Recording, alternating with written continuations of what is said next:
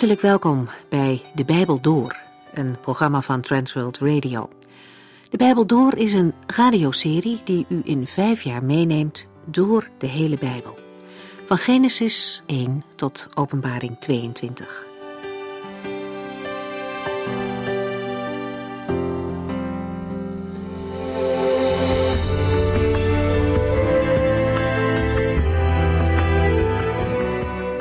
We lezen uit het boek Jesaja, hoofdstuk 7. Deze profeet wordt er door de Here op uitgestuurd. Hij heeft een boodschap voor de koning. En wat opvallend is, hij moet zijn zoon meenemen. Vader en zoon mogen koning Agas gaan bemoedigen. Want politiek gezien hangen er dreigende wolken boven Juda. De Syrische koning Rezin en koning Pekach van Israël, van het tienstammenrijk, zij verzetten zich samen tegen het machtige Assyrië en ze willen dat Juda hen daarin steunt. Maar koning Agas weigert om mee te doen. Als gevolg daarvan wordt Jeruzalem belegerd. En Agas en zijn volk zijn bang. De overmacht is dan ook enorm. Maar de Heere ziet Agas en zijn zorgelijke situatie ook. En de Heere reageert. Hij biedt als het ware zijn hulp aan. De vraag is echter wat Agas gaat doen. Hij krijgt te horen dat de Heere niet zal toestaan dat deze twee legers Juda zullen veroveren. En Agas hoeft niet bang te zijn, al lijkt de vijand nog zo sterk. Hij moet leren niet alleen vanuit een menselijk gezichtspunt naar de vijanden te kijken, maar hij moet de gevaren bezien vanuit het oogpunt van Gods macht. Maar de koning heeft niet zo'n sterk geloof.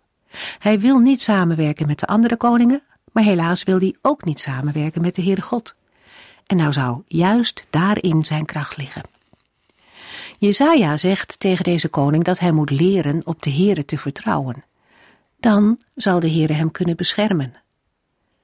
Het is een belangrijke les uit de geschiedenis van Israël. Wat er ook om hen heen gebeurde, hoe donker het ook was, bij de Heere was en is altijd redding. Het ging mis wanneer Israël zich zonder God in eigen kracht probeerde te redden. En de oplossing van de problemen begint met het kijken naar God. In het vertrouwen op Hem ligt de kracht van Israël en van elke gelovige. We lezen nu Jesaja 7 vanaf vers 10.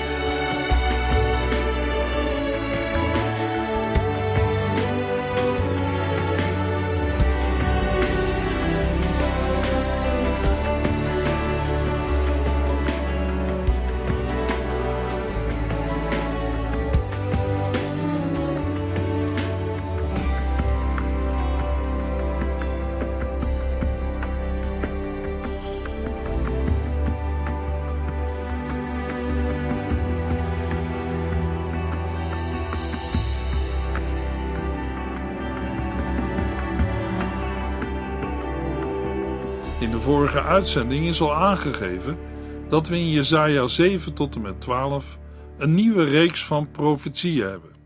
Jesaja 7 tot en met 12 wordt ook wel het boek van Immanuel genoemd, omdat in de genoemde hoofdstukken steeds op de komende Christus wordt gewezen. Hij is de enige toevlucht en houvast in het komende gericht. We zien dat ook in Jesaja 7. Als koning Agas van Juda en het volk beven voor de oprukkende troepen van Syrië en het tienstammenrijk Israël, worden zij door de profeet Jezaja opgeroepen hun vertrouwen op de Here te stellen. Jezaja krijgt opdracht om samen met zijn zoon Sear-Jasub naar koning Agas te gaan. Namens de Here moet hij tegen hem zeggen: Wees rustig en onbevreesd. Laat uw hart niet ineenkrimpen voor deze twee rokende stukken brandhout voor de woede van Rezin en Pekach. Hoewel de vijanden van Juda woedend zijn, noemt Jezaja hen spottend een paar uitgebrande, nog wat nawalmende stukken brandhout. In de Hebreeuwse tekst wordt Pekach aangeduid als de zoon van Remaljahu. Pekach was door een complot tegen Pekachja aan de macht gekomen. Daarvoor was hij opperbevelhebber van het leger van Israël. Pekach is op een onrechtmatige manier aan de macht gekomen. Jezaja noemt zijn naam niet, maar zegt telkens die zoon van Remaljahu, een niet-koninklijke man.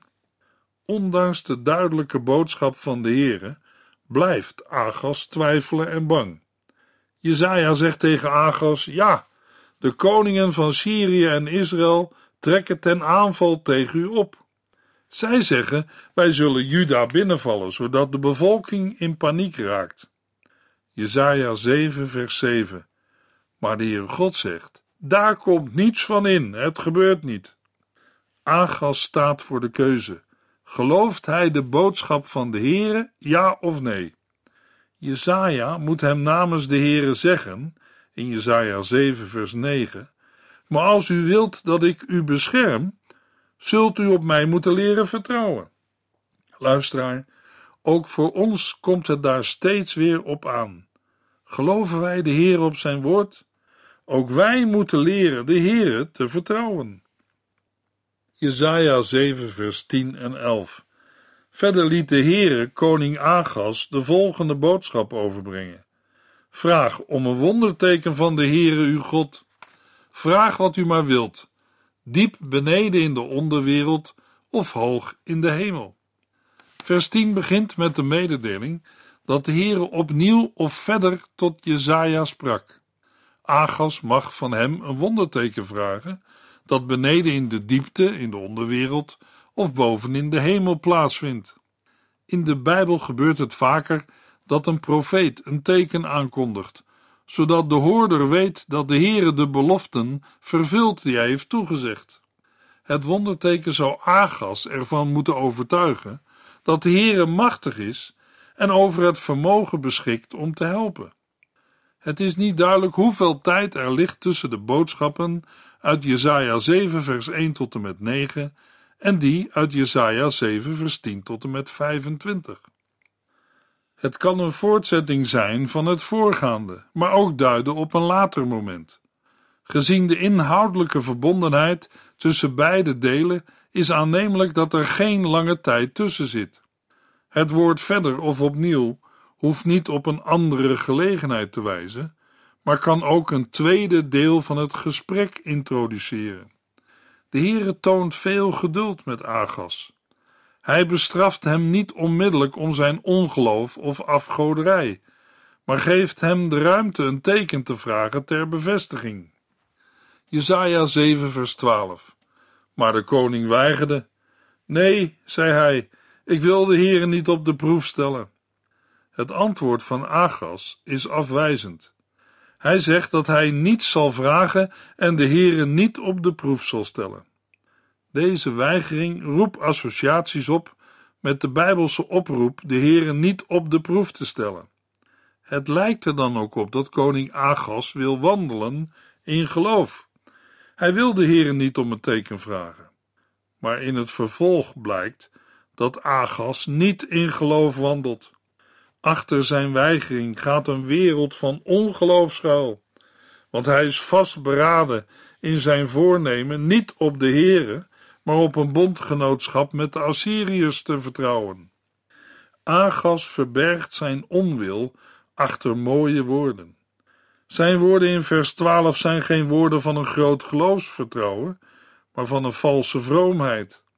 De dreiging van een belegering door Syrië en het tienstammenrijk Israël brengt de Judese koning Agas ertoe steun te zoeken bij koning Tiglat-Pileser van Assyrië.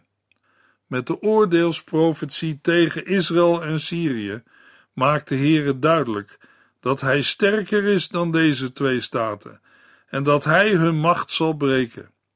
Vanwege Gods grote kracht is het voor Juda en Agas niet nodig om op Assur te vertrouwen. Vertrouwen op deze wereldheerser impliceert ongeloof tegenover de Heere. En dat zal tot gevolg hebben dat Agas geen stand zal houden. Aan de ene kant is de Heere trouw aan David, maar in de verbondsbelofte aan koning David is ook aangezegd dat ongeloof bestraffing tot gevolg zal hebben. Agas had de waarschuwing aan het slot van Jesaja 7, vers 9, ter harte moeten nemen. Als hij niet op God vertrouwt, zal hem en het volk ellende overkomen.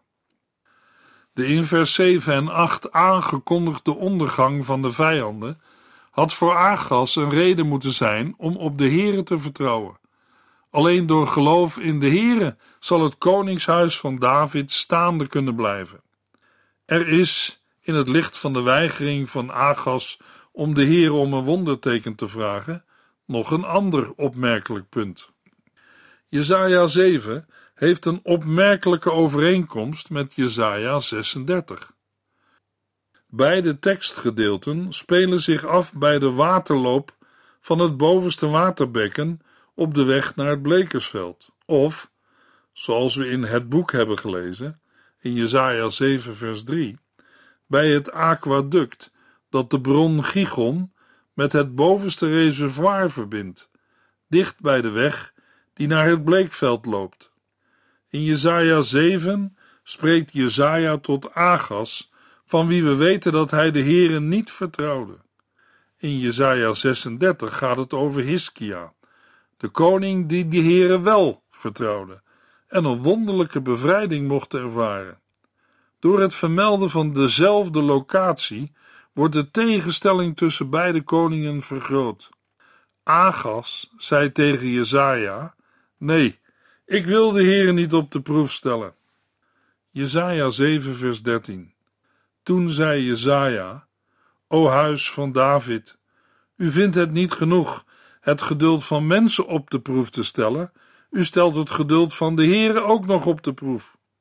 In reactie op het antwoord van koning Agas spreekt Jezaja in Agas het hele koningshuis van David aan.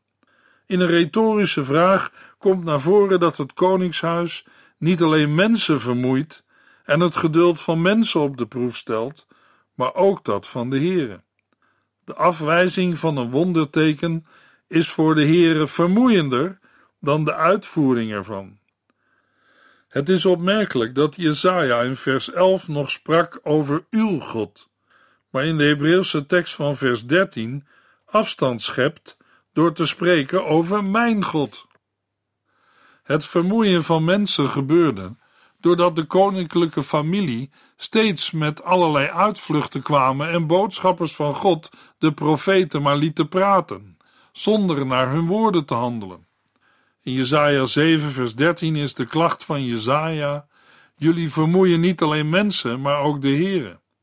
Agas laat de Here te vergeefs een wonderteken aanbieden.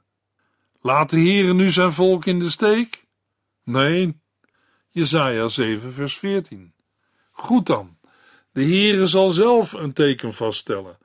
Een maagd zal een kind krijgen en zij zal het kind Immanuel noemen. Dit betekent God is met ons. Ondanks de weigering gaat de Heere toch een teken geven. Terwijl in de omringende teksten de geadresseerde enkelvoudig is, wordt in de Hebreeuwse tekst van vers 14 het meervoud gebruikt. Goed dan, de Heere zal aan jullie zelf een teken vaststellen, of aan jullie zelf een teken geven. In vers 14 wordt het hele koningshuis van David aangesproken want de woorden van de profeet zijn van verstrekkend belang voor de dynastie.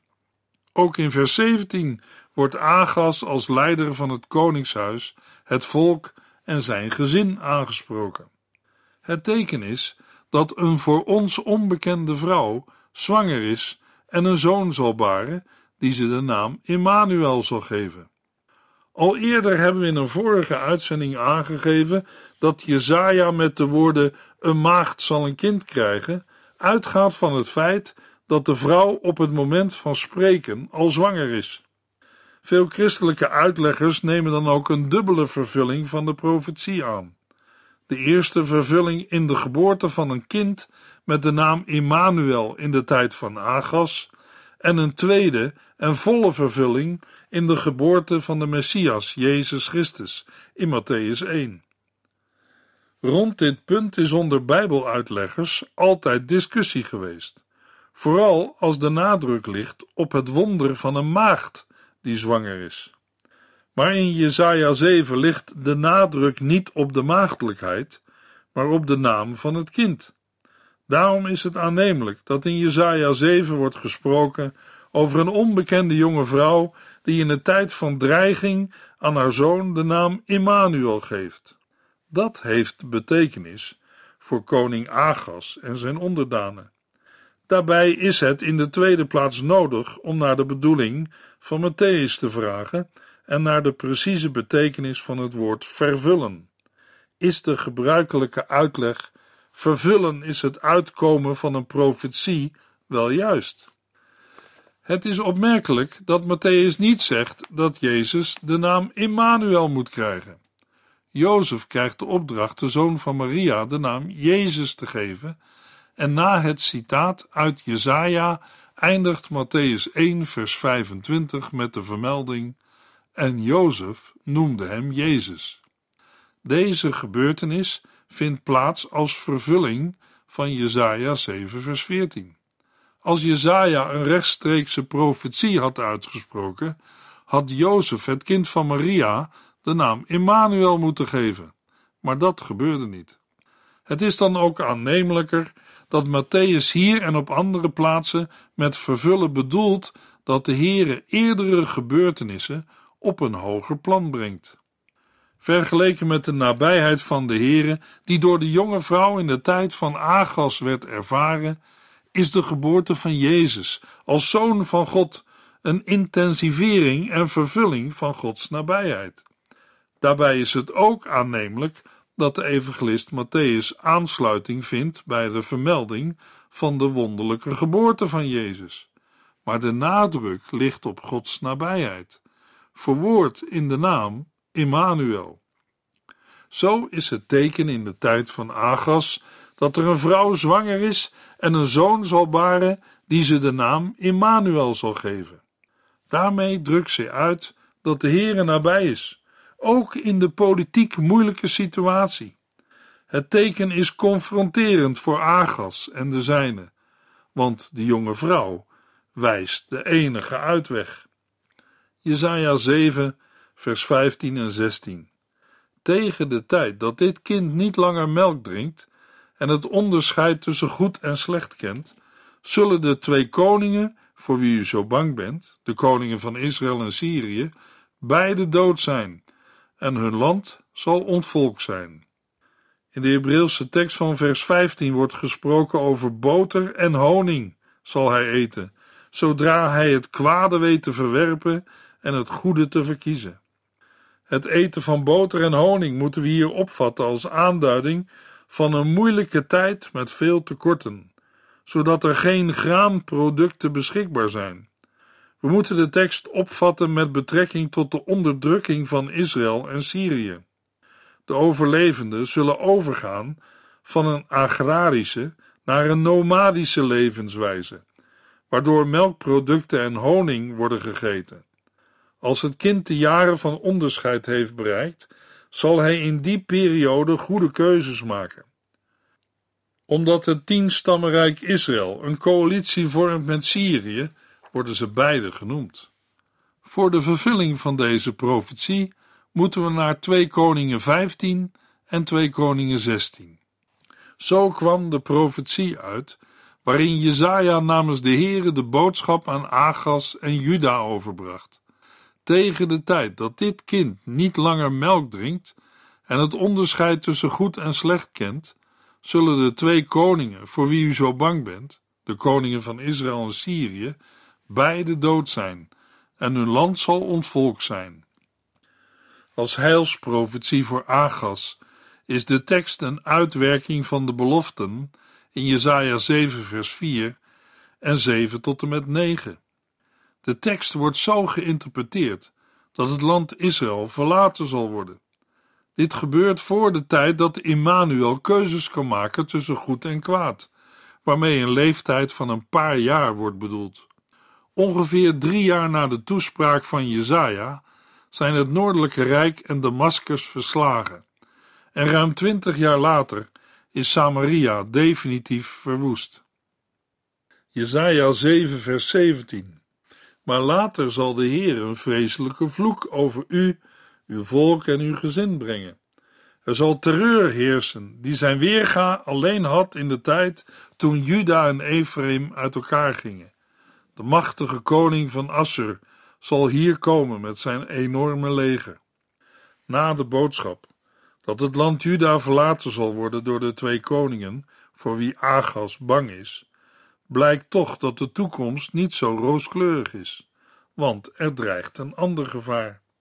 Er zullen voor Agas, zijn volk en het koningshuis dagen aanbreken die er zo niet geweest zijn sinds de splitsing in het twee- en tienstammenrijk, toen Ephraim brak met Juda. Door de breuk in de tijd van Regabiam en Jerobiam is het koningshuis van David ernstig verzwakt. Binnenkort zal de koning van Assur rampen over het huis van David en Juda brengen, die vergelijkbaar zijn met de splitsing van het koninkrijk. Die koning van Assur zal het land en de steden verwoesten en ervoor zorgen dat Juda een vazalstaat wordt. Het koningshuis van David staat zwaar onder druk. Jesaja 7 vers 18 tot en met 20 Op dat moment zal de Heere het leger van Opper-Egypte en dat van Assur naar zich toe fluiten, zodat ze als een zwerm vliegen op u neerstrijken. In grote horden zullen zij het hele land overspoelen en zelfs doordringen in verlaten kloven en grotten en de moeilijk doordringbare, doornige gedeelten van het land. Net zoals zij de vruchtbare en openliggende gebieden zullen binnendringen. Op die dag zal de Heere dit scheermes ter hand nemen, dit leger van Assur, dat u aan de overkant van de Eufraat hebt gehuurd om u te redden, en het gebruiken om alles wat u bezit af te scheren, uw land, uw oogsten en uw inwoners. De oordeelsaankondiging over Juda en het huis van David wordt in Jesaja 7 vers 18 tot en met 25 uitgewerkt. De rampen worden voornamelijk veroorzaakt door de Assyriërs. De aankondiging van het onheil is specifieker dan die in de beschrijving van de verwoesting in Jesaja 5. Jesaja 7 vers 18 tot en met 25 bestaat uit vier oordeelsaankondigingen die in de Hebreeuwse tekst allemaal beginnen met op die dag. De profeet geeft aan dat de Heere op die dag zal fluiten naar de vliegen aan het einde van de Egyptische rivieren. En volgens de Hebreeuwse tekst naar de bijen in het land Assur. De drassige gebieden van Egypte bevatten veel vliegen en het heuvelland van Assur veel bijen. Deze dieren zijn in beeldspraak een metafoor voor de machtige legers die de Heere zal roepen om tegen Juda op te trekken. Zo leidt de Heere de geschiedenis.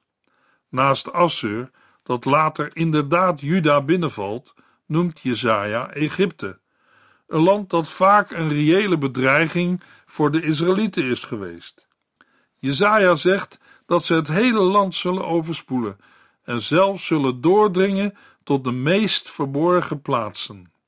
Door de vermelding van verlaten kloven, grotten en moeilijk doordringbare, doornige gedeelten van het land wordt duidelijk dat we niet met een tijdelijke invasie te maken hebben, maar dat de vijanden lange tijd zullen blijven. Juda is een land van droge rivierbeddingen in woestijnachtig land en rotskloven. De vijanden zullen overal zijn en het is niet mogelijk aan hen te ontsnappen.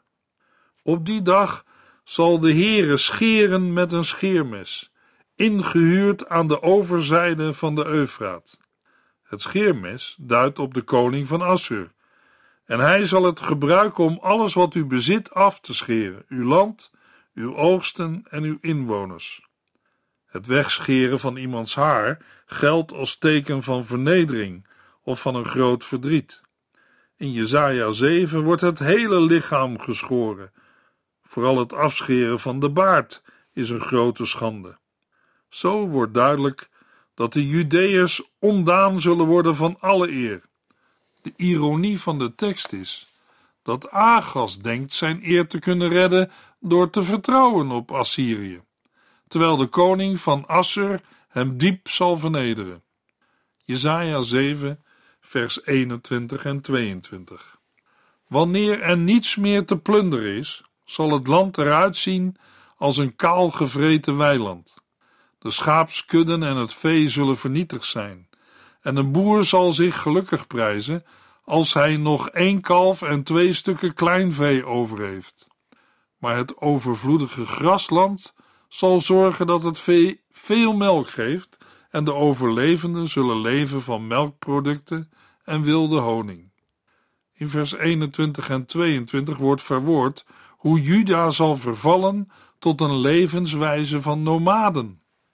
Op die dag zal het gebeuren dat een boer nog maar één jonge koe en twee stuks kleinvee over heeft. Omdat dit een zeer kleine kudde is, wordt daarmee duidelijk dat het land leeggeroofd is. De mensen zijn niet in staat graan te verbouwen of te eten.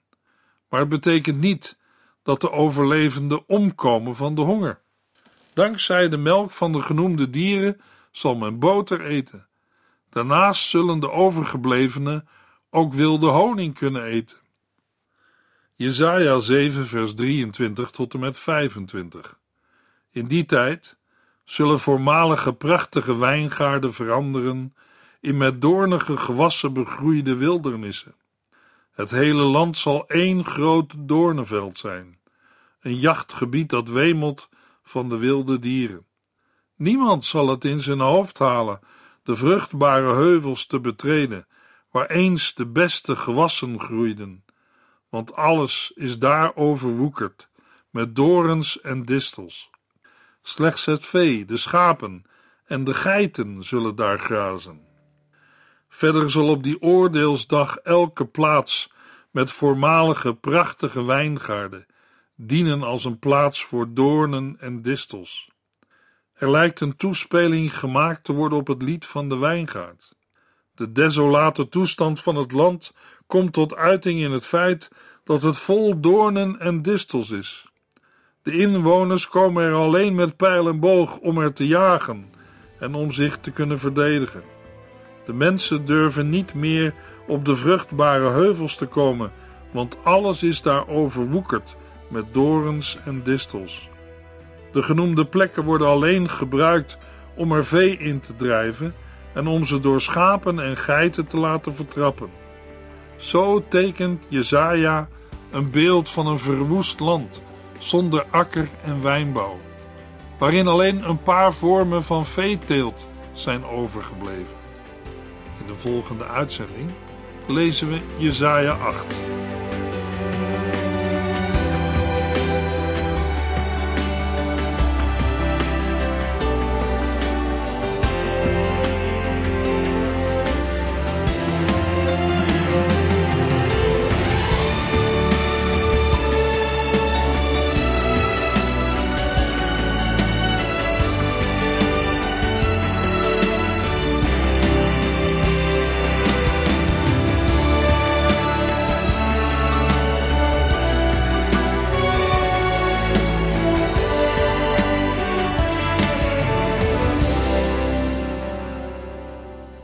Geluisterd naar De Bijbel Door. In het Nederlands vertaald en bewerkt door Transworld Radio. Een programma waarin we in vijf jaar tijd de hele Bijbel doorgaan. Als u wilt reageren op deze uitzending of u heeft vragen, dan kunt u contact met ons opnemen. Tijdens kantooruren kunt u bellen op 0342 47 8432. 0342 47 8432. 32. Ook kunt u een e-mail sturen naar de Bijbel door transworldradio.nl en natuurlijk kunt u ook via de post ons bereiken. TWR, postbus 371, postcode 3770, AJ in Barneveld. Dit programma werd gepresenteerd door Cor Weda en Ike André. Techniek was in handen van Odin van Woerdekom. En wij allemaal bedanken u voor het luisteren. Graag tot de volgende keer.